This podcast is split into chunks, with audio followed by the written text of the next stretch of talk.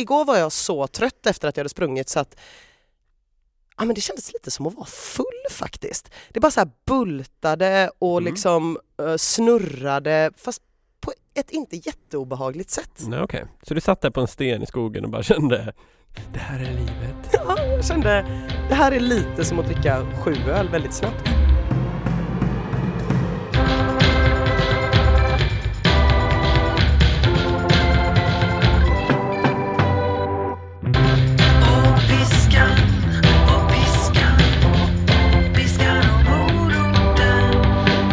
Välkomna! Nu är det det tredje avsnittet av Piskan och moroten ni lyssnar på Vi pratar i och jag heter Ina Lundström och du heter Magnus Karlsson. Ja, det gör jag.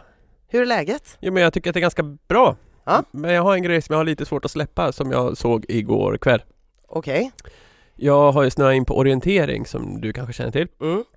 Eh, orientering är en ganska trevlig sport för övrigt. Men det är något jag brukar ägna mig åt på kvällarna när jag vill ha lite egen tid. då sticker jag ut med karta och kompass. Igår då, precis på väg upp till 25-mans kontroll, en så kallad punkthöjd som jag äntligen lärt mig vad det är. Jag känner, det, där någonstans ute i den här gläntan ska kontrollen vara. Kommer upp i skogen och så, så ser jag någonting och jag känner så här, är det där, vänta, är det, nej. Jo då, där stod en kille och golfade. Han stod och svingade golfbollar rätt in i skogen. F- från den här höjden liksom. Nämen. Alltså, fattar du hur farligt det är? Ja. Där, där står en livsfarlig kille, tatuerad och sånt här white trash linne och han står och svingar golfbollar. Och ser lite skamset påkommen ut när jag kommer upp där i skogsbrynet. Alltså ursäkta, jag kanske är lite överempatisk nu för jag tänker omedelbart så här, hade dudan i dig? Jag tänker att han så här är astatuerad. Han får inte bli medlem på någon golfklubb i Göteborg, inklusive den som är byggd på en gammal soptipp i typ Åby. Som Men är tänk så att han här, är, han är för ehm, tuff för golfklubbarna, för mesig för mc-klubbarna. Hamnar någonstans mitt emellan. gud, alltså måste det börja så här sorgligt dagens avsnitt? Jag får jätteont i hjärtat nu. ja, men någon annan kan fått rätt ont i huvudet om liksom hans sving landar i pannan. Förutom orientering så känns det ju som att du är ju på något slags uppladdningsäventyr inför något slags lopp av något slags slag. Ja, det börjar ju dra ihop sig kan man säga. Eh, när den här podden kommer ut så är det väl, om jag har räknat rätt, åtta dagar kvar till Göteborgsvarvet. Världens största halvmaraton. halvmara som vi som eh, motionerar lite mer regelbundet brukar säga. Ja, vilket led startar du i? Första bänk. Första bänk. Ja. Var, var hittar man första bänk? Eh, Jag sitter alltid på samma ställe varje år vid Göteborgsvarvet. Jag sitter eh, bredvid 7-Eleven på Mariaplan. Där brukar jag alltid sitta med massa kompisar och min dotter och ha en supertrevlig dag. Jag tycker faktiskt alltid att det är väldigt, väldigt kul. Jag tycker också att det nästan är lika roligt att titta på publiken som på de som springer. Jag vill alltid vara tidig för jag vill ha en god plats liksom. Du vill annektera ditt utrymme där? Ja, liksom. ja visst, absolut, absolut. Och jag vill att det ska finnas skuggmöjligheter och jag vill att det ska finnas solmöjligheter och allting så här. Så jag sätter mig alltid ganska tidigt, men jag sätter mig aldrig lika tidigt som de riktiga proffsen. som kommer ut med sina sådana tältstolar med eh, hål för ölen. Ah, sån. Sätt- Festivalstol. Ja, precis, en festivalstol ja. Och sätter sig liksom och börjar dricka starköl så här klockan åtta, halv nio på morgonen. Och Mm. det tycker jag är väldigt fascinerande. Jag dricker gärna några öl när jag kollar på Göteborgsvarvet. Men att man tycker att ehm, här kommer många människor springa ett lopp Ja. om tre timmar. Därför är det lugnt att jag sitter här och dricker öl nu.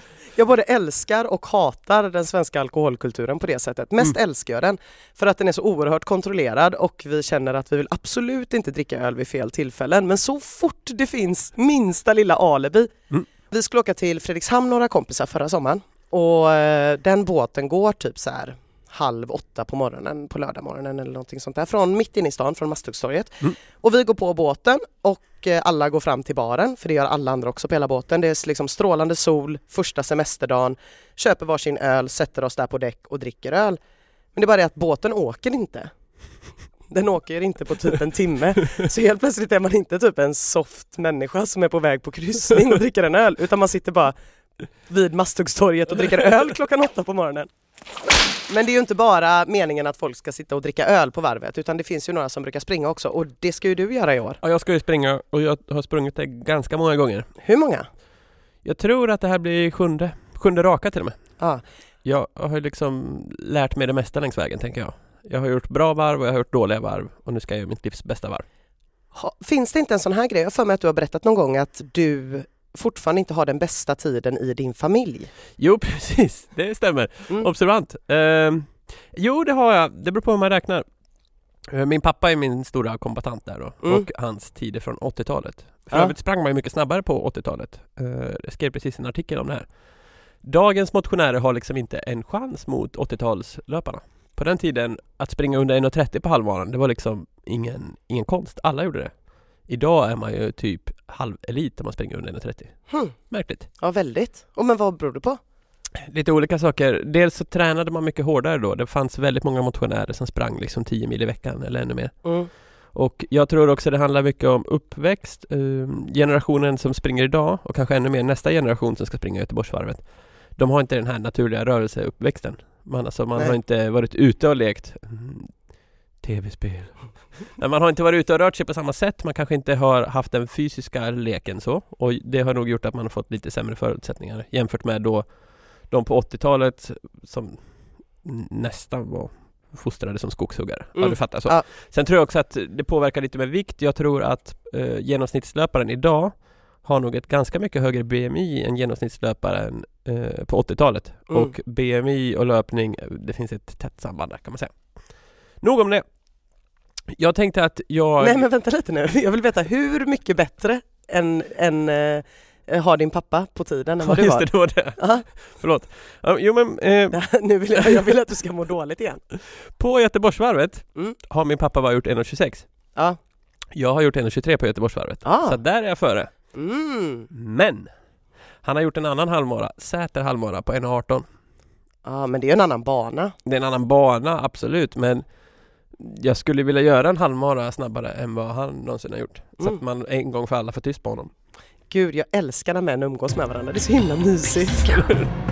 Piska. Ja men eh, om man ska springa ett lopp som Göteborgsvarvet, för jag märker ju detta, jag bor väldigt nära Slottsskogen här i Majorna, jag ser ju folk som springer hela tiden nu. Mm. Det känns bara som att halva stan håller på och laddar typ, ingen jag känner då men Ja, men vi är på väg in i någon slags kollektiv eh, prestationsångest. Mm. Det är nu man går runt på, man är på helspänn hela tiden. Man typ får så ont i tummen för man uppdaterar SMH i appen hela dagarna för man vill se, ska det bli värmechock eller Mm. inte? Det är alla de här grejerna. Om man, det är ju aldrig så lätt att känna ett halsont som nu. Eller liksom känna att ah, det stramar lite i baksida lår. och nu känner du så som jag gör jämt. Ja, typ.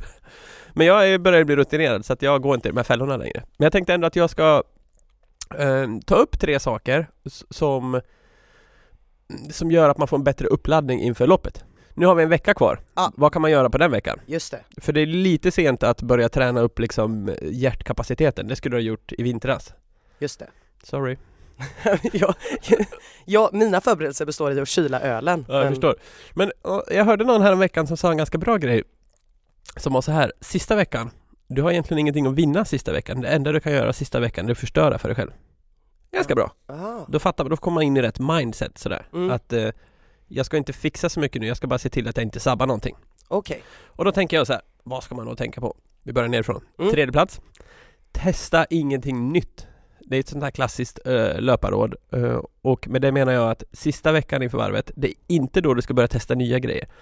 Du ska inte köpa nya skor med lättare vikt om du inte har sprungit i sådana. Inga barfota skor. Du ska inte testa liksom rödbetsjuice om du aldrig har gjort det förut. Varför ska du börja med det nu? Alltså, Mm. Inga nya grejer. Inga nya shorts, inga nya linnen, ingenting som kommer skava sönder dig. Håll dig till det som du vet funkar. Frågor på det? Nej jag tyckte det faktiskt det var väldigt tydligt. Ja, bra. Mm. Och jag uppskattar också att en av punkterna var att man inte ska göra någonting. Sånt gillar jag. Då går vi direkt på tvåan. Den är också ganska enkel. Sov. Mm. Det, det finns ju Det ingen... här gillar jag. Jag, gillar jag ska också ladda inför Göteborgsvarvet känner jag. Ja, Det är så här att eh, sömnbrist är någonting som kan påverka väldigt, väldigt mycket på prestationsförmågan. Och eh, vet man då att man behöver sova jag, säger, jag vet inte, hur ser ditt sömnbehov ut? Jag behöver sova sju, ja, åtta timmar per natt minst, gärna nio. Ja, nej jag behöver inte sova mer än sex. Nej. Eh, men eh, säg att du behöver sova sex timmar per vecka och du vet att det är så det funkar för dig. Det är inte läge... Sex timmar. Eh, Nej, sex timmar per dygn! ja, Förlåt. ja, My bad. inte amfetamin beroende här. Då är det inte läge att börja sova tre timmar per natt helt Nej. plötsligt. eh, För att det kommer bita dig i röven liksom. Så att sov det som passar för dig kort och gott. Kan man sova för mycket? Jag har tyckt några gånger att när jag har fått några sådana här riktiga jävla tonårssovningar, vad man nu kallar det. Du vet man har plötsligt sovit 11 timmar eller någonting. Ja, jag föraktar det så mycket. Då kan jag bli ganska dåsig och seg dagen efter. Mm. Sådär. Så det skulle jag inte heller rekommendera utan sov det som känns rimligt sådär. Så, redo för sista tipset? Ja, Då är det som följer Träna. För att det här är också en grej som träna. Okej. träna. När sista veckan kommer Då känner folk Söndag, nu är det sex dagar kvar Nu lägger jag ner all träning för att jag ska vila benen inför Göteborgsvarvet. Alltså inte bara för att jag är episkt lat, Nej. utan så hade nog jag faktiskt också tänkt. Ja, men jag hade det, nog tänkt att det är ingen idé att försöka dra på sig en skada. Jag hade liksom omfamnat den tredje punkten här. precis. Ja men det är ganska lätt att göra det för att man Det är en tankevurpa man gör där helt enkelt. Att man ser framför sig, nu ska jag vila benen så att de jävlar i mig är pigga på lördag. Mm. Det som händer då är att, säg att om du är van att träna fyra gånger i veckan Plötsligt går du in i noll Då kommer kroppen bara bli seg och tung Eh, Man ska träna typ som man brukar träna Men man ska träna lite mindre Okej, Det innebär att om du i vanliga fall springer eh, fyra pass på en vecka Ja. Och eh, du totalt under de här fyra passen brukar springa Säg fyra mil Mm. Säg ett mil per pass Det är ganska långt, jag vet Ja, att du tycker ja. det är långt Men Ja. för många som springer varvet Ja, kanske ja, det är standard Mm. då kanske du istället ska springa fyra pass men att den totala mängden kanske blir 20 kilometer eller strax däröver. Och um, halverad mängd brukar man säga är bra. För att det som händer då, halverad. Ja.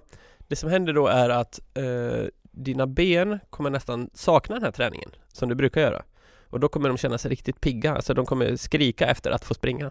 Och det är den känslan du vill åt och det är det vi kallar formtopp.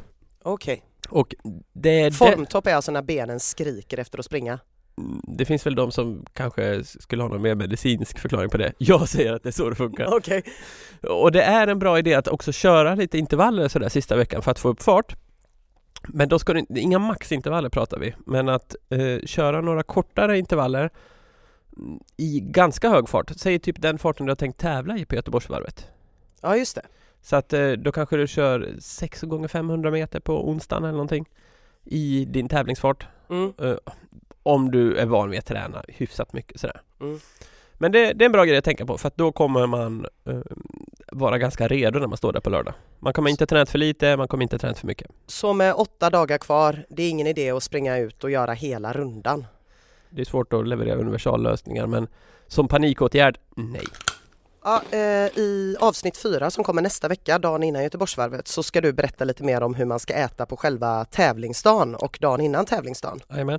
Men är det någonting mer man ska tänka på liksom ätmässigt? Ja absolut, det är ett vanligt misstag då som man gör, det kanske vanligaste av allihop.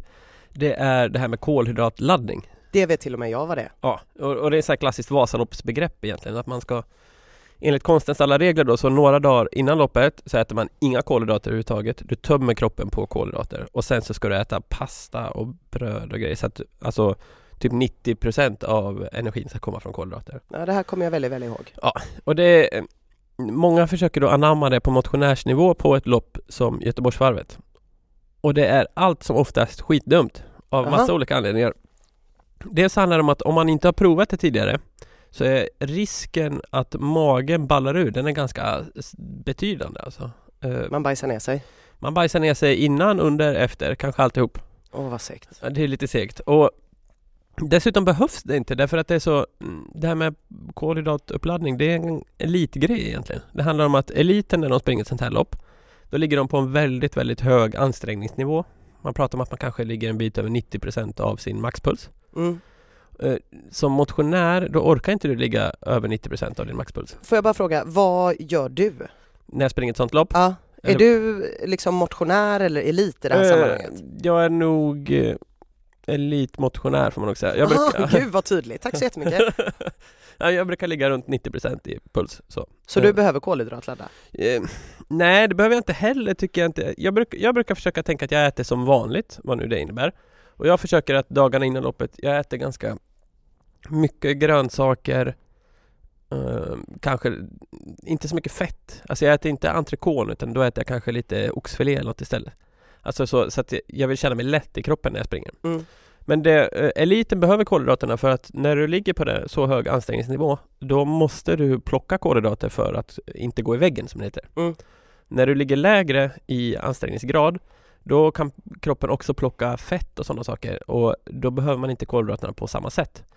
Så att kort och gott, eliten behöver kolhydraterna för att kunna leverera på sin nivå. Som motionär behöver man inte det. Och det som händer då är att du har inte så mycket att vinna på det. Men du har väldigt, väldigt mycket att förlora på det. Och det är kort och gott magproblem som är den stora boven. Jag har en kompis, Niklas kanske lyssnar. Han hade ju hört om det här med kolhydratladdning.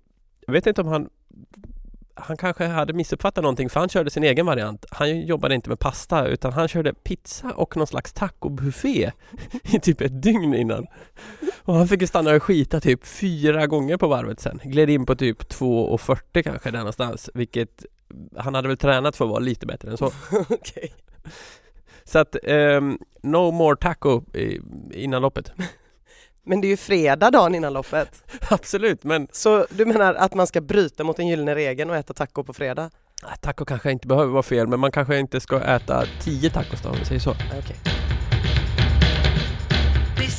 Moroten. Okej Ina, eh, nog om mig. Mm, Vi har inte riktigt samma målsättningar du och jag. Nej, Jag vill komma topp 200 på varvet, du vill springa din första mil och det är det den här podden handlar om.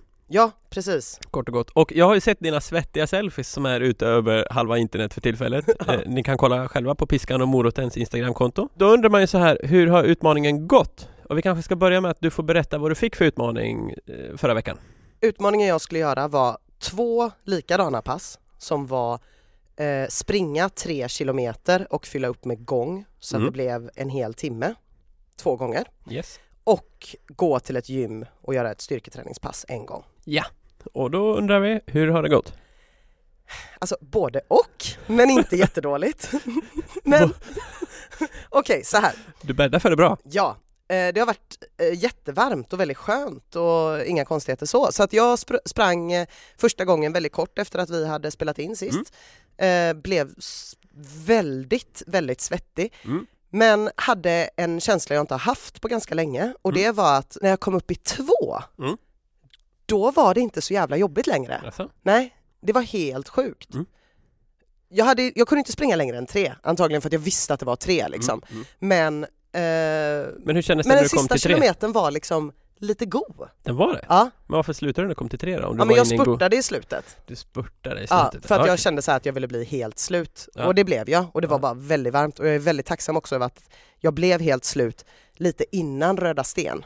Så att Ja. jag inte behövde gå där på den liksom eh, bryggan och att alla skulle se mig i mitt run linne och så här. Ja. Så att det, men, men det var en alltigenom ska jag säga positiv upplevelse Mm. faktiskt. Och du skarvade ihop så att du kom upp i timmen? Mm, jag kom Mm. upp i timmen. Fick Ehm, du öl efteråt? Jag, drack, jag, jag, jag spelade skivor på kvällen Mm. eh, och min middag bestod av gurka och väldigt mycket vodka. Mm. Så att säga rysk, ett litet ryskt tema. mm, absolut. Eh, det unnade jag mig. Ja. Eh, sen blev det inte så mycket träning dagen efter där, nej det blev det inte. Nej. Och sen var det någon dag till när det inte blev... Den här gurkan och vodkan den tog på mig Magnus. Jag Den hade, funkar inte som kolhydratladdning eller? nej, inte riktigt. Nej. Eh, jag hade lite hybris där. Eh, så jag var... Tog det lite lugnt några dagar kan Mm. man säga. Det var ju Mm. lite röda dagar här och en liten klämdag här och där. Och Perfekt, jättemycket tid för att sen blev träna. det några öl på lördagen med och då var jag ute Mm. på Ringön och det leder ju aldrig till bra saker när man åker över bron. Och Tänk på att vi har lyssnare här som inte bor i Göteborg. Vad är Ringön för något? det är ett område på Hisingen. Mm. Och vad gör man där? Eh, man dricker öl där inga pengar tillfaller skattemyndigheten. Jag förstår. Ehm, så att igår kväll så hade jag två pass kvar att göra. Okej, Mm, ja. mm. Mm. Eh, så jag började Så med man kan säga att du började starkt och sen fick du en svacka. Ja, sen blev det en liten svacka, ja, precis. Men igår så tog jag tag i det igen. Eh, det var jättevarmt igår också eh, och då sprang jag och började få problem med mina hörlurar. Otroligt irriterande. Men skitsamma, jag sprang i alla fall de tre kilometrarna. Eh, sprang ner vid Tångudden, ner mot Röda Sten. Vänta, vänta, vänta. Vadå problem med dina hörlurar? Ja, men, okej. Jag är så episkt självsnål så att jag har så här, min sjuåriga dotters leksakshörlurar som hon har fått i premie av någon. Men jag har ju typ svettat sönder dem nu så att de glappar väldigt mycket när jag springer. Mm. Och då har du tejpat dem med någon slags silvertejp eller? Nej, jag Nej, springer och inte än. håller, håller. Men jag kan säga igår, det var en sån jävla Majerna upplevelse att springa. Det första som händer när jag liksom precis har börjat springa är att det kommer cykla förbi en kille i typ 55 års åldern på en sån beach cruiser och röker så jävla mycket weed rätt i ansiktet på mig att jag typ tror att jag blir stukad själv och måste så stanna och samla andan. Ja, väldigt typiskt allting. Men sen börjar jag springa med glappande hörlurar eh, som där Genesis kämpade för att komma ut. Mm. Eh, och sprang ner och sen så kände jag, nej men jag, jag vill liksom, jag vill in i skogen bara. Mhm. Det har varit för mycket asfalt nu, det är för mycket människor som ser mig. Jag är jätte, jättetrött Mm. och jag har en kilometer kvar och här finns några stigar. Springer så himla vilse Mhm. så att jag inte förstår någonting överhuvudtaget.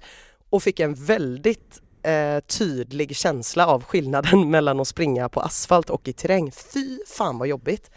Att springa terräng? Det var väldigt brant, det gick Mm. liksom upp och ner på små stigar. Jag var tvungen att så här väja för grenar och kvistar hela tiden. Mm. De sista 200 metrarna så sprang jag med mobilen framför mig så här, och bara kollade hur det tickade ner. Och sen satte jag mig bara rakt ner i samma stund som det gick över till 3 kilometer, rakt ner på en sten och så här flåsade. Men Ja. återigen, en ganska god känsla. Alltså, igår var jag så trött efter att jag hade sprungit så att ja, men det kändes lite som att vara full faktiskt. Det bara så här bultade och Mhm. liksom eh, snurrade fast på ett inte jätteobehagligt sätt. Nej, okej. Så du satt där på en sten i skogen och bara kände Det här är livet. Jag kände det här är lite som att dricka sju öl väldigt snabbt. Mm, jag fattar. Ganska trevligt. Det låter som en bra upplevelse. Ja, det var en bra upplevelse. Vad jag är nyfiken på nu är det här styrkepasset då? Hur- Ja. Vad hände med det? Eh, I morse I morse? så eh, det blev inget gym. Det, det var för Nej. fint väder.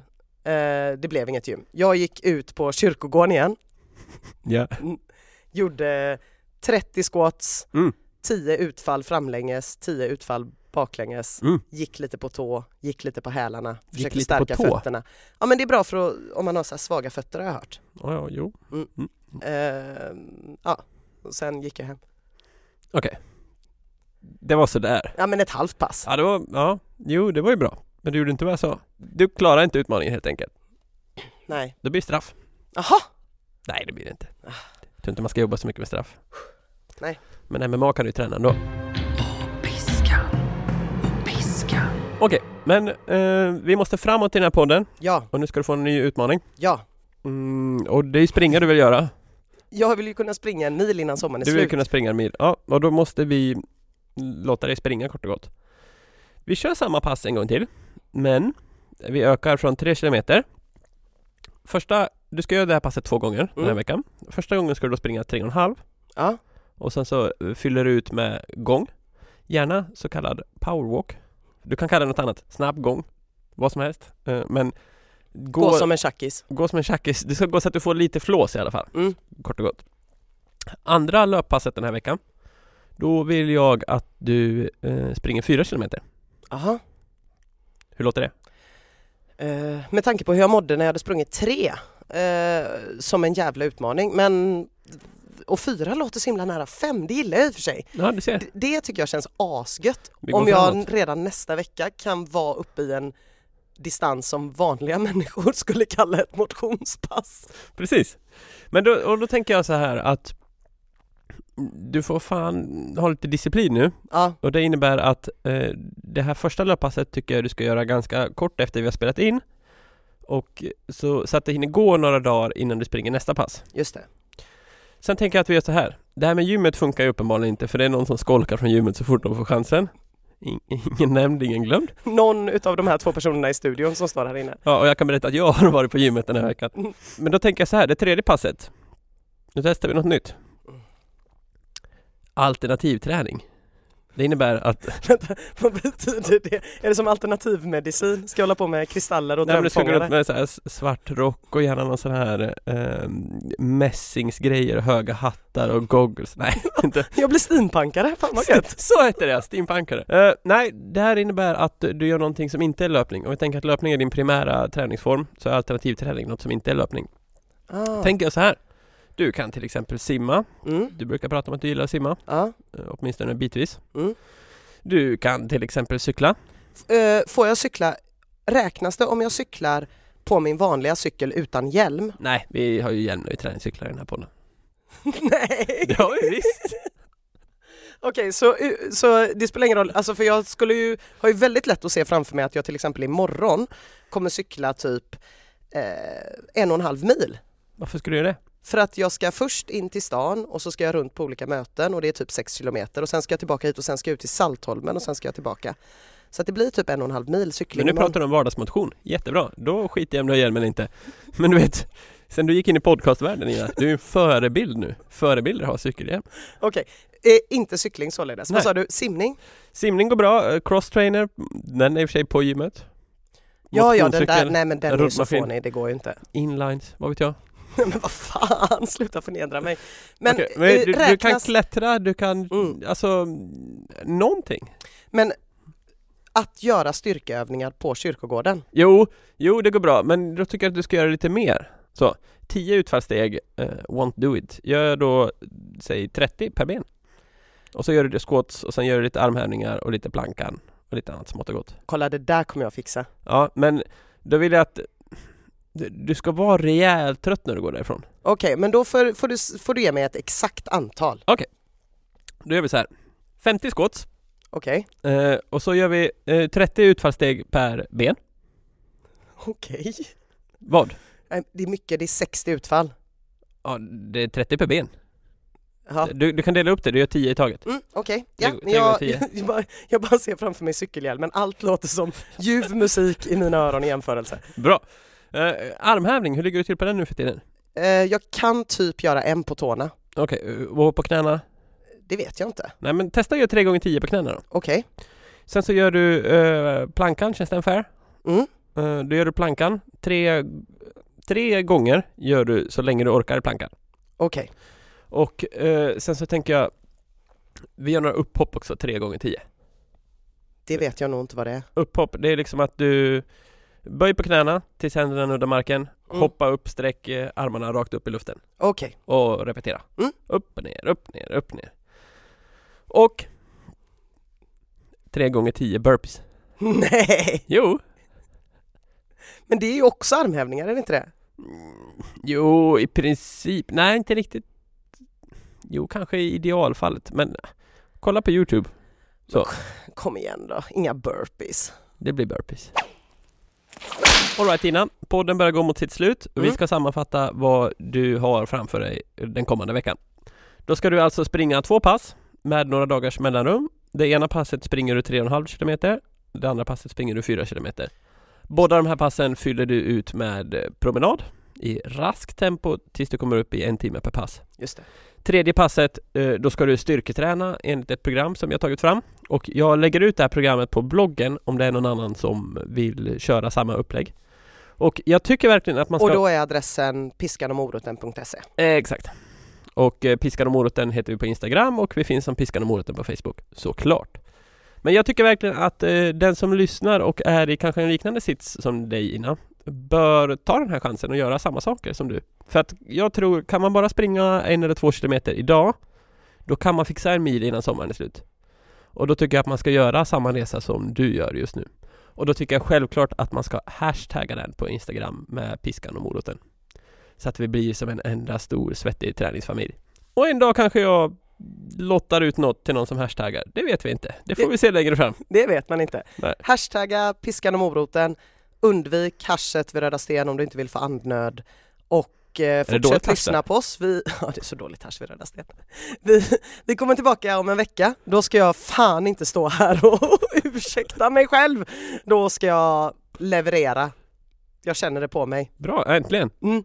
Eh, tack så mycket för att ni lyssnade. Vi hörs om en vecka. Eh, tack så jättemycket till Martin Permer för vår fantastiska ingel. Tack Martin!